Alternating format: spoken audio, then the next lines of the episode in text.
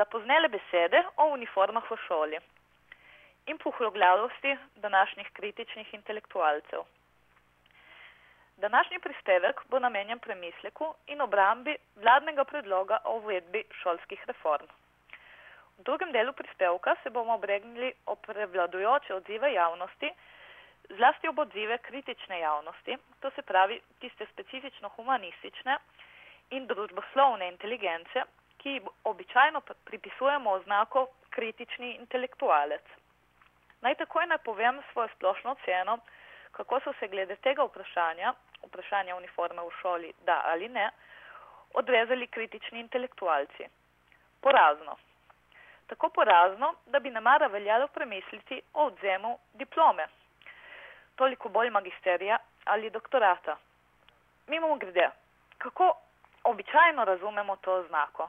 Kaj je značilno za kritičnega intelektualca, razen tega, da se običajno ponaša s titulo kakega humanističnega ali družboslovnega študija? Predvsem to, da so določene topike loteva argumentirano in poglobljeno, upoštevajo zgodovino problema, različne dejavnike vplivanja in njihovo vlogo in medsebojno prepletenost. Dalje, potem, da pod površjem spontane ideologije in prevladujočega mnenja uvideva od zadnje, obrobne, običajnim močem prikrite determinante, da pokaže na oblast na razmerja moči, prikrite mehanizme podrejanja, ustvarjanja neenakosti in tako dalje. Ni potrebno poudarjati, da je kritični intelektualec privilegirani gost kritičnih medijev, kot je naprimer Radio Študent. Naj začnem z osebno anegdoto. Ko sem se pred nekaj leti prvič podrobneje in študijske srečala z absurdi sodobne izobraževalne politike, teorije in prakse, sem večkrat posedala pred stavbo pedagoške fakultete, ki je hkrati tudi srednja vzgojiteljska šola, in ob tem neobremenjeno opazovala modne trende in značilnosti v oblačenju današnjih dijakov, v tem primeru pretežno dijakin. Vzgojiteljsko šolo namreč obiskujejo predvsem dekleta. Kar mi je tedaj padlo v oči, v zvezi z dijaško modo pravzaprav ni nič posebno prezesljivega ali novega. Dijaki se pač oblačijo tako, kot lahko predvidevamo, če poznamo duh našega časa. Stvar pa postane zanimiva, šele če jo obravnavamo skupaj s paradoksi današnje uradne izobraževalne politike, teorije in prakse. Osnovni paradoks sodobnega izobraževalnega sistema in spremljajočih strokovnih izhodišč in smernic je dvoje. Prvič, pedagoški premisleki po eni strani slonijo na predpostavki obstoja čiste, neskaljene, avtentične, igrive in spontano kreativne subjektivnosti, skratka edinstvenosti vsakega posameznika, ki da ga je v sferi izobraževalne prakse potrebno obvarovati pred posegom vsake avtoritete, vsake obče zahteve, ki ne bi bila vnaprej povezana z njegovo partikularno osebo, osebo, ki je treba omogočiti spontani razvoj in kreativno izražanje. Po drugi strani pa se ta ista pedagoška pamet na vse pretege in z vsako programsko smernico posebej naravno strudi onemogočiti proces vznikanja kakršne koli dejanske kreativnosti in tako glorificirane individualne subjektivnosti. In drugič, po eni strani se zauzema za odpravo vsake bolj zgolj abstraktne, teoretske, nekoristne in neživljenske vednosti, za upeljavo izobraževanja, ki bo učencem predalo čim bolj neposredno uporabno znanje in jih naredilo za kompetentna, po drugi strani pa se na vse pretege z vsako programsko smernico posebej trudi onemogočiti ne le sleherno znanje učencev, temveč predvsem kompetentnost učencev, kompetentnost, učinkovitost, zaposljivost in tako dalje. No, kako se v ta paradoks umešča vprašanje šolskih uniform in trendi v oblačenju današnjih šolarjev? Takole, današnji šolari že nosijo uniforme, le da jim teh ne diktira šolska zakonodaja, temveč splošni modni trendi, popkulturna industrija in seveda korporativni interesi uveljavljenih blagovnih znamk. Vsa dekleta, ki sem jih tedaj opazovala, so nosila superge do gležnjev, oske hlače in daljš, daljšo majico čez rit, torej tuniko, njihova kreativnost v oblačenju pa se je eventualno izrazila v barvah in izbiri konkretnih blagovnih znamk, pa še tu so bili razberljivi očitni vzorci. Skratka, pedagogika, ki stavi na individualno edinstvenost vsakega posameznika, ki zapoveduje svobodno izbiro, ki se ponaša s sloganom vsi drugačni, vsi enakopravni, de facto proizvaja vse iste, ne vse drugačne. To je dejstvo. Sedaj me strče v pomislek, mar ta očitna evidenca diaške mode ne, piš, ne priča v prid uvedbe šolskih uniform? To je, mar ne prepriča vsakogar, uštevši tisto populacijo, ki se ne zmeni z argumente. Argumenti, ki pričajo v prid uvedbe reform, uniform, so namreč kar, kar precejšnji in večplastni, od ekonomsko-političnih do pedagoških. Težava pa je v tem, da slednji terjajo neke refleksije, kritičnega mišljenja in predvsem to, da niso v skladu z duhom časa, ideologijo kreativnosti in svobodo izbire. Tako premišljujoč sem se tedaj sprijaznila samoumevnim sklepom. Teoretski argumenti bi utegnili prepričati le peščico humanistično, družboslovno podkovane posameznike, sicer pa nimajo nikakršne moči. Dejstvo, da učenci dan danes tako ali tako že nosijo uniforme, naj si pri tem ne sledijo eksplicitno in uradno predpisani dogmi, pa bo v razpravi takoj zamašeno s klicevanjem na možnost svobode izbire. Ni šans, argumenti nikoli ne bodo uspeli nadvladati spontane ideologije in postati predlog uradne politike. Uniforma v šoli, to smrdi po totalitarizmu. Namesto, da bi izpostavili argumente, ki pričajo prid uvedbe uniform v šoli, navedimo orientacijske točke, na osnovi katerih je moč dospeti do enoumnega zaključka, da je uniforma v šoli dobra.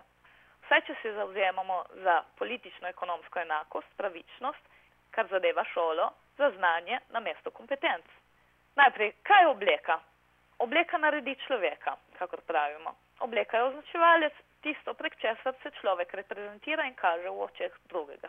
Drugič, kdo ali kaj določa pravila oblačenja in kdo profitira.